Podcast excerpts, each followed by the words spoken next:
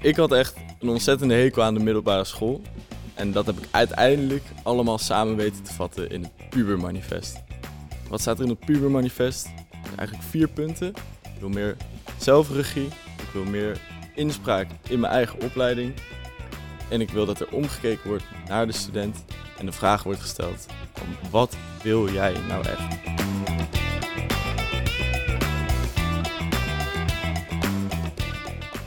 Je hebt zojuist geluisterd naar een fragment uit het gesprek dat ik heb gehad met Tom van Os. Tom is student technische natuurkunde. Mijn naam is Ronald Scheer en ik wens je veel plezier bij het luisteren naar deze aflevering van de podcastserie over de toekomst van het onderwijs.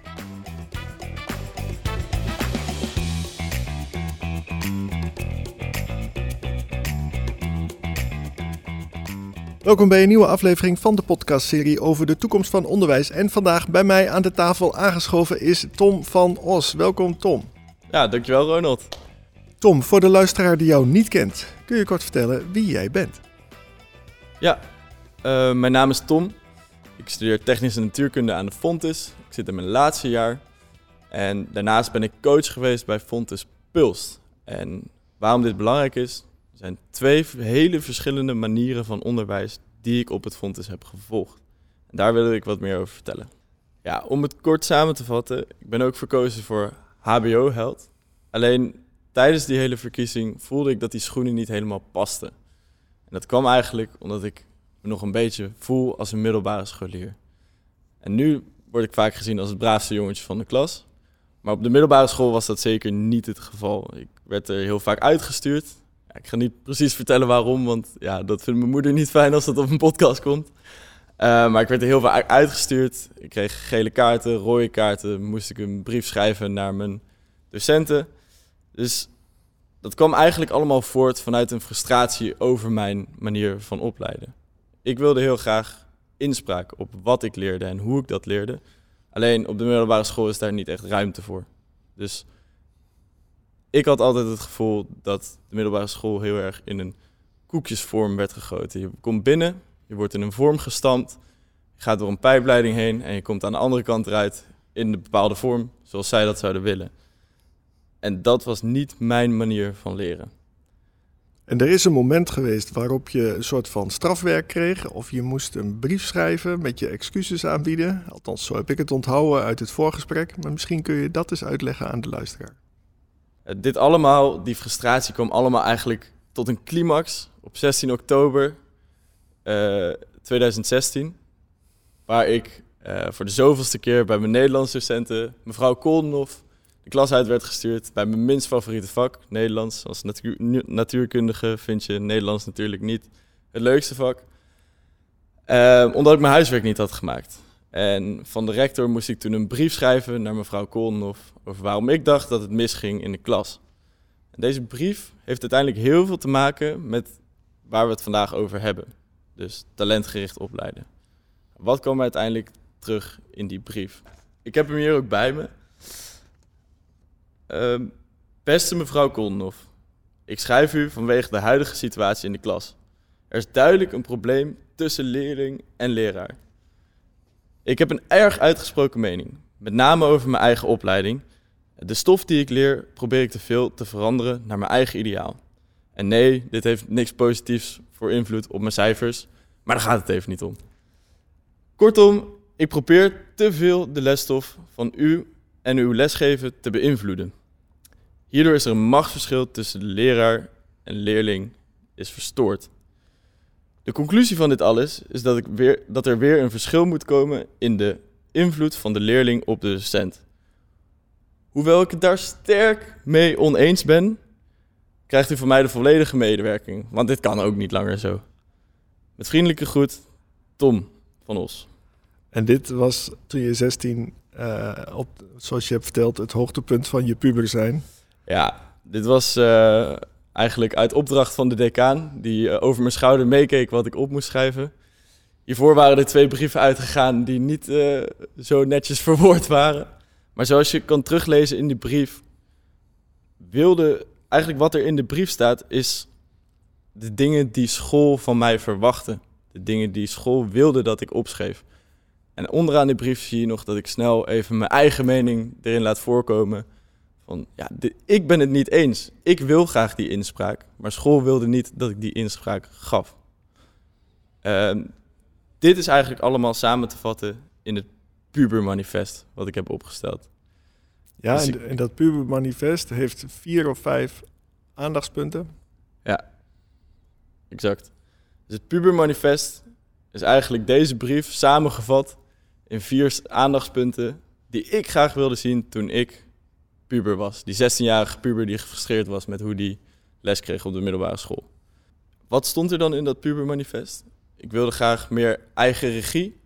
Ik wilde graag meer inspraak over mijn opleiding. Uh, en ik wilde dat er echt omgekeken werd naar de student. En de vraag werd gesteld van, wat wil jij nou echt? Uiteindelijk heb ik wel mijn diploma gehaald. Dus ik ben uiteindelijk wel me gaan aanpassen en het brave jongetje van de klas geworden die ze van mij hadden verwacht. Um, maar toen moest ik gaan studeren en toen kwam ik bij Fontes terecht. En op Fontes was het helemaal anders. Op Fontes ben je zo wat meer volwassen. Ik heb op Fontes eigenlijk twee smaken van onderwijs leren kennen. Twee verschillende manieren van onderwijs. Zoals ik al zei, ik uh, ben natuurkundestudent. Dus mijn ene smaak is technische natuurkunde, de opleiding technische natuurkunde. Die ik zou omschrijven als een kennis-based opleiding. Dus dat is een opleiding waar er kennis wordt overgedragen aan een student om een vak te leren. En dan heb ik mijn minor gedaan bij Fontes Pulst. Fontes Pulst is bijna het tegenovergestelde van technische natuurkunde. Uh, dit zou ik ook meer omschrijven als een skill-based opleiding, waar je meer echt skills krijgt aangeleerd op, het, op een manier van projecten. Maar ik ben in principe begonnen bij technische natuurkunde.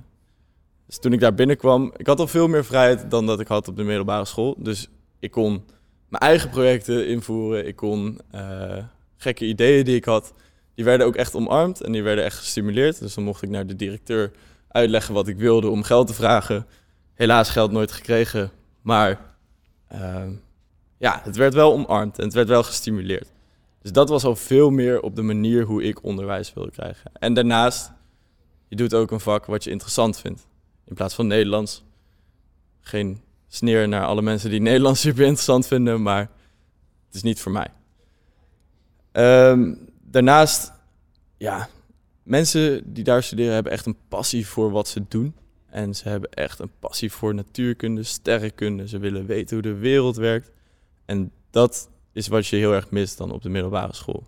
En daarnaast is natuurkunde, je ziet ook een trend in natuurkunde dat ze heel erg bezig zijn met projectgericht onderwijs. Dus het klassieke model van stof leren, toets maken, stof leren, toets maken, vinden zij, zien zij ook van, dat is een beetje verouderd. Ze willen steeds meer die kennis in de praktijk brengen. Dus hoe, hier heb je een hele hoop kennis, hier heb je een berg kennis. Hoe gaan we dat nou toepassen in de samenleving en in een echt project? En dat is wat ik heel erg heb gemist tijdens de middelbare school. Nou, dat is eigenlijk de eerste, het begin van mijn opleiding. Dan gaan we fast forward, vier jaar, want ik doe wat langer over mijn studie. Omdat ik heel veel gekke, rare bijprojecten wil doen. Maar dan gaan we even fast forward naar Fontes Puls, mijn minor. En Fontes Puls is dan weer op het HBO het complete tegenovergestelde van natuurkunde. En bij Fontes Pulst zijn er heel weinig kaders. Fontes Pulst uh, is een manier van opleiden die werkt op basis van challenges en projecten. Dus eigenlijk bijna alleen maar praktijkgericht. Um, daarnaast is de afstand tussen leerling en leraar is heel klein. Je hebt echt direct inspraak op wat je, uh, hoe je onderwijs er uiteindelijk uitziet. Dus ja, 16-jarige puber Tom is daar uiteindelijk heel blij mee. Als ik mijn mening mag geven. um, alleen je ziet ook een trend bij Fonds Puls dat er heel veel vraag is vanuit studenten naar die keiharde kennis. Dus niet alleen van, oh, we gaan hier heel breed aan de slag, maar we willen ook die diepe kennis hierin toepassen. Want heel vaak komen studenten erachter tijdens hun tijd bij Puls van, hey, dit vind ik echt een super interessant onderwerp. hoe kan ik me hierin verdiepen of waar kan ik me hierin verdiepen? En hebben we er bij Fonds Puls de middelen voor? En daarom wil ik eigenlijk een ja, foutje voor meer samenwerking tussen die twee velden. Beide opleidingen zitten best wel nog op een eilandje. Van, oh ja, wij doen onze dingen zo, want. En wij doen onze dingen zo, want. Uh, ze hebben zelf allebei nog best wel een visie van... Ja, maar bij onze, bij onze studenten kunnen we wat Puls doet niet toepassen. Want wij hebben een ander doel voor ogen. En wat, wat natuurkunde doet, kunnen we bij Puls niet toepassen. Want wij hebben ook een ander doel voor ogen. Ik ben het daar niet helemaal mee eens. Uh, want ik denk dat ze bij natuurkunde ook heel veel vragen hebben naar de technieken die ze bij Puls toepassen. En vice versa. Dus heb ik hier voorbeelden van? Kan ik hier iets over vertellen uh, wat echt in praktijk is gebracht? Is er een use case of is er een voorbeeld te noemen waar de pulsmanier van onderwijs is gebracht naar de technische natuurkunde manier van onderwijs? Nou, hier heb ik zelf eigenlijk een project in gedaan waar ik, ik ben ook bij Pons Puls coach geweest, waar ik studenten heb begeleid in het vinden van hun passie en hun spark en hun why en waarom ze doen wat ze doen. Die manier heb ik toegepast bij die natuurkundestudenten. Dus we hebben een motivatieworkshop gegeven, waar we die natuurkundestudenten uiteindelijk een soort van Creabea-opdrachten hebben laten doen en een vision board hebben laten maken. En daarnaast ook een heel groot deel reflectie hebben gedaan. En waarom ik die workshop eigenlijk heb gemaakt, is omdat ik zelf merkte de reflectie, de manier van reflectie en de manier van erachter komen wat je nou eigenlijk wil bij natuurkunde, is verouderd. Je hebt een reflectiegesprek, dan vul je een reflectieformulier in. En ja, het voelt gewoon als een bijtaakje. Niemand vindt het leuk om te doen. Uh, niemand krijgt er energie van en heel weinig inzicht wordt uiteindelijk uitgehaald. Ik heb zelf verhalen gehoord dat studenten hetzelfde reflectieformulier gewoon opnieuw hebben ingeleverd. En dat de docent gewoon een duimpje omhoog gaf. Oh ja, het is prima zo. Niet eens naar heeft omgekeken wat er uiteindelijk op het papiertje stond. Dus die manier van reflectie vond ik ineffectief en verouderd. Dus daarom hebben we geprobeerd leuk te maken door ze een vision board te laten creëren. Waar ze eigenlijk op papier, door middel van visualisatie, gingen zetten van wat wil jij? Waar zie jij jezelf in de toekomst? Hoe zie je jezelf over vijf, tien jaar? Uh, en wat wil je dan zijn? En daarnaast ook heel veel reflectie gedaan van waarom doe jij wat je doet? En uiteindelijk kwamen daar hele gave resultaten uit. Dus studenten kwamen erachter van hey, ik vind uh, het eigenlijk, ja, ik mis eigenlijk heel erg die creativiteit binnen mijn opleiding. Want natuurkunde is natuurlijk heel gekaderd. Creativiteit is van nature ook heel chaotisch. Dus uh, ja, zo kwamen die studenten echt tot goede inzichten. En het verschil uh, ja, er waren ook, ook studenten die bijvoorbeeld zeiden van, nou, ik vind natuur en sterrenkunde, ik vind sterrenkunde super interessant. Alleen, ja, ik krijg nooit de kans om hier zelf een project in te doen. Ik mag hier niet, ik kan, ik kan niet zelf hier iets in beginnen. En dat kan wel. Alleen, je wist niet dat het mogelijk was. Dus daarvoor zijn die reflectiemomenten heel belangrijk. En dat is een pulsmanier van denken toepassen bij de natuurkunde. Dat is van onschatbare waarde voor je student. Nou, dan is het ook nog de vraag van wat gebeurt er als je die natuurkunde manier van lesgeven toepast bij Puls. En daar heb ik ook een voorbeeld van. Um, ik heb samen met mijn compagnon Dimitri heb ik een machine learning cursus gegeven tijdens mijn tijd in mijn minor bij uh, Puls. En ja, helaas, Dimitri kwam niet opdagen, dus ik moest het in mijn eentje doen. Maar de feedback die we kregen van alle studenten was van... hey, ja, dit is echt super interessante informatie. Ik vind machine learning echt super interessant. Kan ik hier wat meer over leren? Kunnen jullie wat meer wat meer lessen geven? Ja, helaas heb ik daar geen tijd voor. Ik wil ook mijn studie gewoon afmaken. Um, maar er was geen structuur waarmee die studenten doorverwezen konden worden naar mijn opleiding of naar eh, ICT of wat dan ook. Want ik heb in principe gewoon het lesmateriaal van mijn eigen opleiding gekopieerd, gejat. Met, ja, zonder dat, geleend zonder te vragen. En uh, dat weer toegepast bij die, bij die pulsstudenten. Dus je ziet ook bij die pulsstudenten dat er ontzettende vraag is naar die verdiepende kennis. En daarom wil ik nog één keer benadrukken dat dat klassieke, die kennis-based, klassiekere manier van onderwijs en die fontes-based, ja, wat innoverende manier van onderwijs heel erg nauw moeten gaan samenwerken. Van verwijs die studenten dan door naar die opleidingen om iets met die interesses te doen. Er ligt heel veel kennis bij die opleidingen. Waarom maak je daar geen gebruik van? Ga niet dubbel werk doen. Um, en de andere kant is ook waar. Dus die kennisbased opleidingen die zijn ook heel uh, gekaderd. En die, die zouden ook wat meer gebruik kunnen maken van hoe brengen we dit nou in praktijk en hoe brengen we dit naar het werkveld en hoe leiden we mensen echt op dat ze iets kunnen toevoegen in de arbeidsmarkt in plaats van heel veel kennis op je bord uh, leggen en dat in iemands brein proberen te stampen, zeg maar. Om uiteindelijk te zorgen dat er geen ja, boze brieven meer van de 16-jarige pubers uh, op worden gestuurd en die 16-jarige pubertom helemaal tevreden is met zijn opleiding, heb ik het pubermanifest opgesteld. En nog één keer om samen te vatten. Het pubermanifest houdt in dat je meer eigen regie hebt over je opleiding, inspraak hebt in je eigen manier van opleiden, dat er echt omgekeken wordt naar die student en dat er uh, echt vaker de vraag wordt gesteld van wat wil jij nou echt?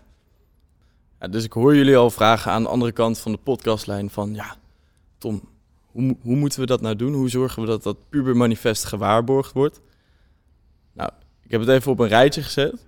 Dus hoe zorgen we dat studenten meer keuzevrijheid hebben in hun opleiding, meer eigen regie hebben, dat er meer omgekeken wordt naar de student en de vraag steeds vaker wordt gesteld van wat wil jij? Hoe doen we dat? Nou, ten eerste, ga bij elkaar langs. Puls kan heel veel leren van die kennisbased klassiekere opleidingen en andersom. Dus die kennisbased opleidingen kunnen ook heel veel leren van Puls. Ten tweede, deel dat lesmateriaal en deel die kennis die jullie over de jaren hebben opgebouwd. Er zit heel veel kennis bij al die verschillende opleidingen. En het is zonde om dat allemaal opnieuw te moeten gaan doen. Daarom heb ik ook het lesmateriaal van natuurkunde gejat.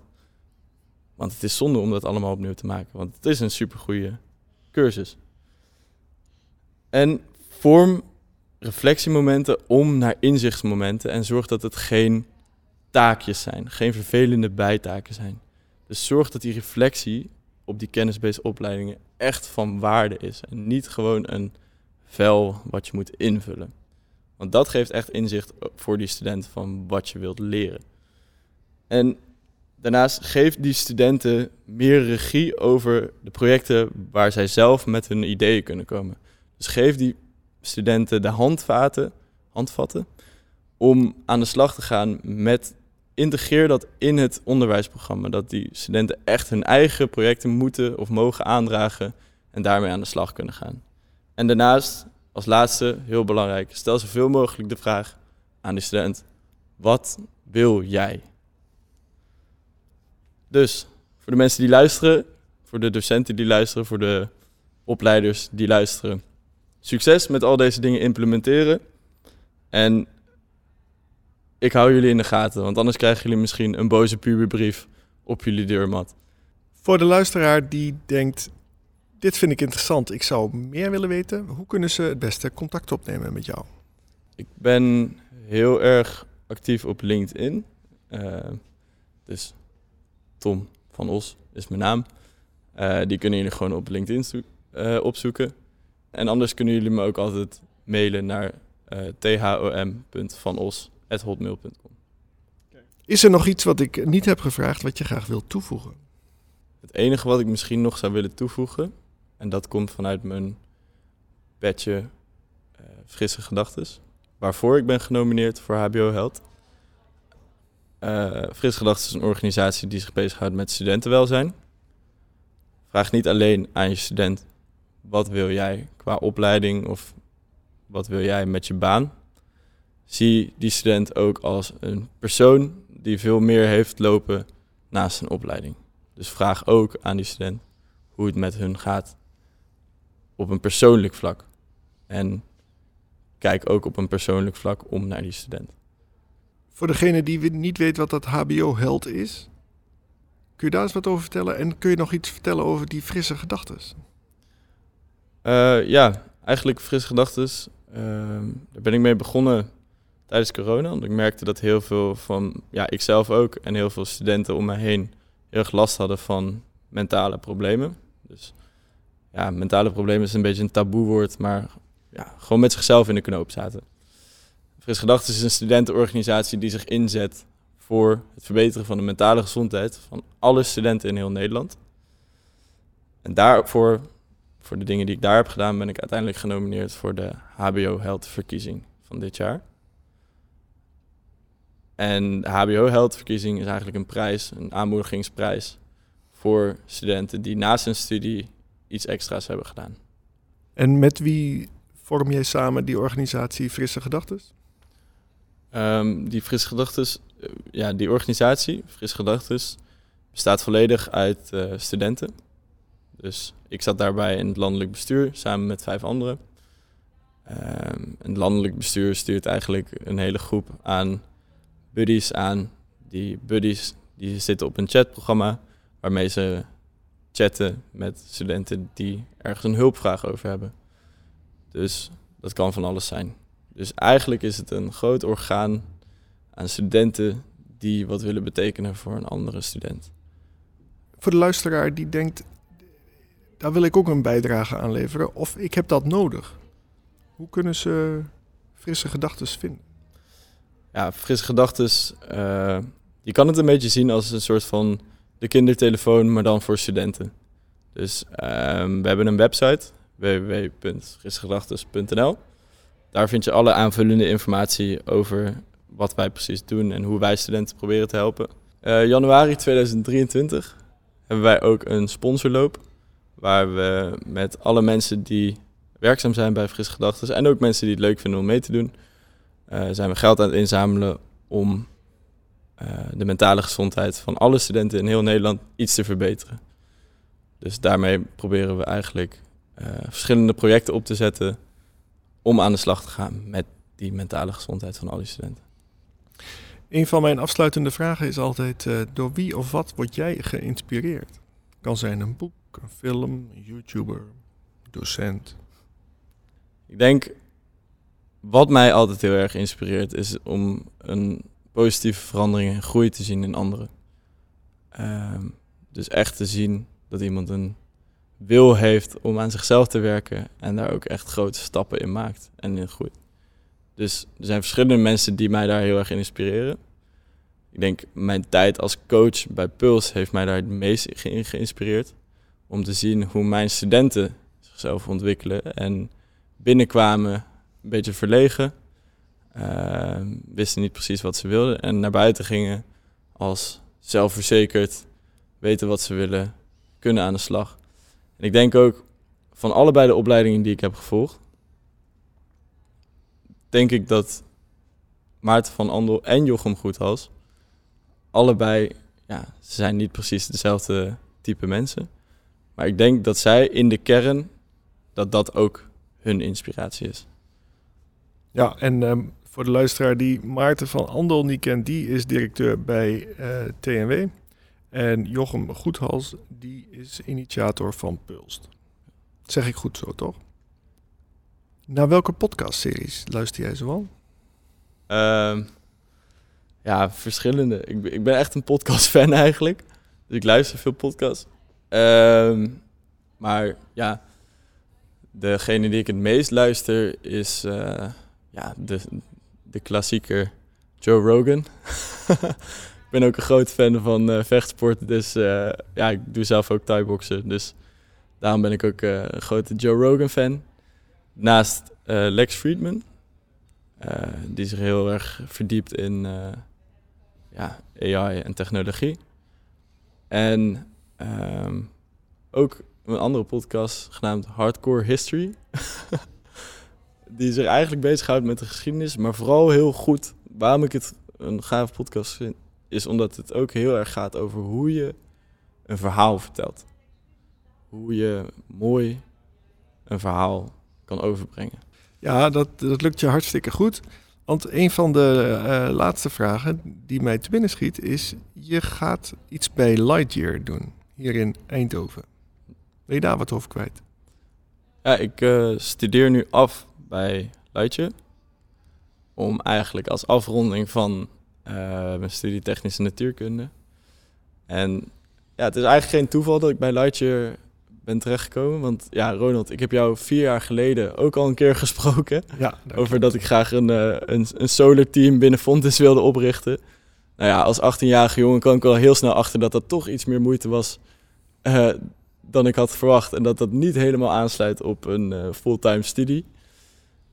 Maar ik heb het wel weten door te zetten uiteindelijk in mijn afstudeerstage bij Lightyear. Die zonneauto's bouwen. Dus ehm, uiteindelijk is dat ook een hele leerzame ervaring geweest. En nogmaals om te benadrukken, dat is ook weer zo'n gek project, zo'n gek idee. Maar die werd wel heel erg om, omarmd. En die werd wel heel erg meegenomen en ehm, gestimuleerd zelfs. Dus En mag je vertellen eh, wat je gaat doen? Ga je bezighouden met batterijmanagement of ga je met eh, verlichting in de auto werken eh, voor je gemoedstoestand of mensen alert houden? Wat ga je doen? ik doe nu onderzoek naar batterijveroudering. Dus hetzelfde hoe je telefoon steeds slechter wordt nadat je hem een aantal jaar hebt, wordt een batterij in een elektrische auto ook steeds slechter nadat je er meer mee rijdt. En daar moet ik een model van bouwen van hoe, hoe snel gaat die veroudering nou bij een bepaald gebruik van die auto. En voor degene die eh, Lightyear niet kent, het is gevestigd eh, op de Automotive Campus in Helmond, weet ik. Ja. En wanneer komt de eerste auto? eh, rijdt die al ergens? De eerste productieauto is afgelopen week van de productieband gekomen. Dus volgende week hebben we ook een mooie, mooi feest binnen Lightyear georganiseerd om dat te vieren. Nou zijn we hier vandaag samen omdat jij was uitgenodigd bij het programma Studiesucces. Over de precieze inhoud van de Academy voor Studiesucces, eh daar weet ik niet fijn van. Maar ze weet, ja, ik weet dat ze heel veel workshops geven, ook over het onderwerp waar ik het graag over wil hebben. Dat is het talentgericht opleiden. Dus zorgen dat die studenten echt tot hun recht komen binnen het onderwijs.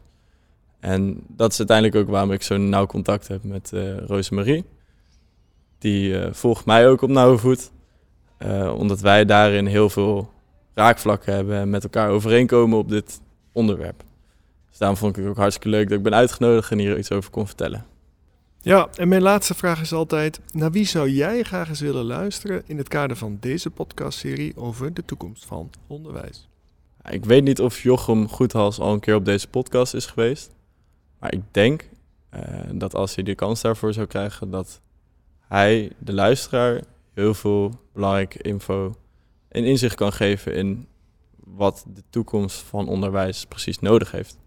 En het zou, even, het zou zelfs mooier zijn als je ook Maarten van Andel, de tegenhanger daarvan, eh, op hetzelfde moment zou eh, interviewen. En dat die twee misschien daar ook een gesprek over kunnen voeren.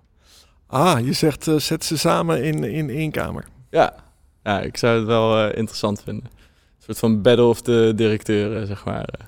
Oké, dan wil ik je graag uitnodigen om daarbij aanwezig te zijn om met mij het gesprek te voeren. Ja, dat zou ik echt superleuk vinden. Mooi, dan eh, gaan we dat proberen te realiseren. Tom, ik wil jou bedanken voor dit gesprek. ja, bedankt voor het uitnodigen. Vond het hartstikke leuk. En ik wil ook de luisteraar bedanken voor het feit dat je tot het einde bij ons bent gebleven. Vergeet niet om je te abonneren, want binnenkort staat er weer een nieuwe aflevering voor je klaar. Graag tot dan.